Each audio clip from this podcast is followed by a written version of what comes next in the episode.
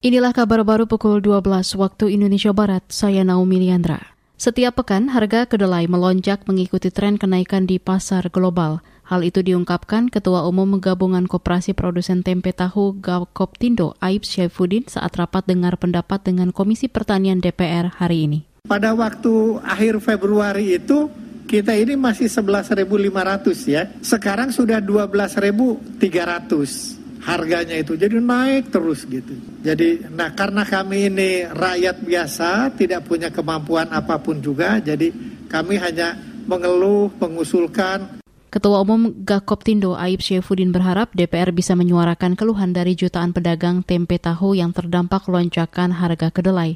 Sebelumnya, Kementerian Perdagangan menyebut harga kedelai di pasar global melesat signifikan dalam kurun waktu dua tahun terakhir. Pertengahan Maret kemarin, harga kedelai impor mencapai Rp12.000 per kilogram.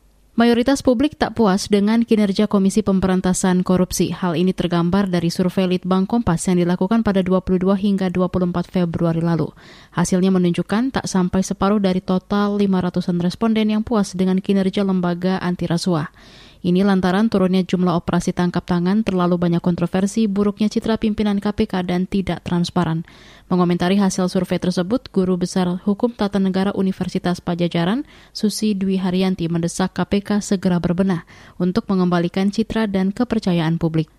Tren penurunan kasus COVID-19 di tanah air belum menjamin penerapan pelonggaran untuk aktivitas Ramadan dan Idul Fitri. Menurut epidemiolog dari Universitas Erlangga Surabaya, Laura Nafika Yamani, kasus harian COVID-19 masih tinggi sehingga belum masuk kategori terkendali atau era pra-endemi. Ketika ada satu negara yang kasusnya itu masih uh, naik ya meningkat. Nah, ini juga akan berpotensi untuk bisa menyebar ya ke negara-negara yang mungkin sudah mengklaim kasusnya itu menurun. Bisa varian baru itu muncul karena masih ada uh, misalkan tidak banyak negara tapi hanya satu dua dengan kasus tinggi itu juga akan berpotensi untuk uh, menghasilkan suatu varian baru.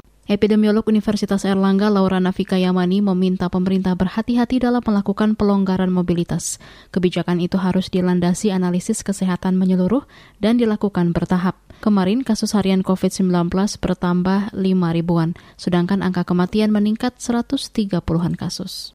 Demikian kabar baru KBR, saya Naomi Liandra.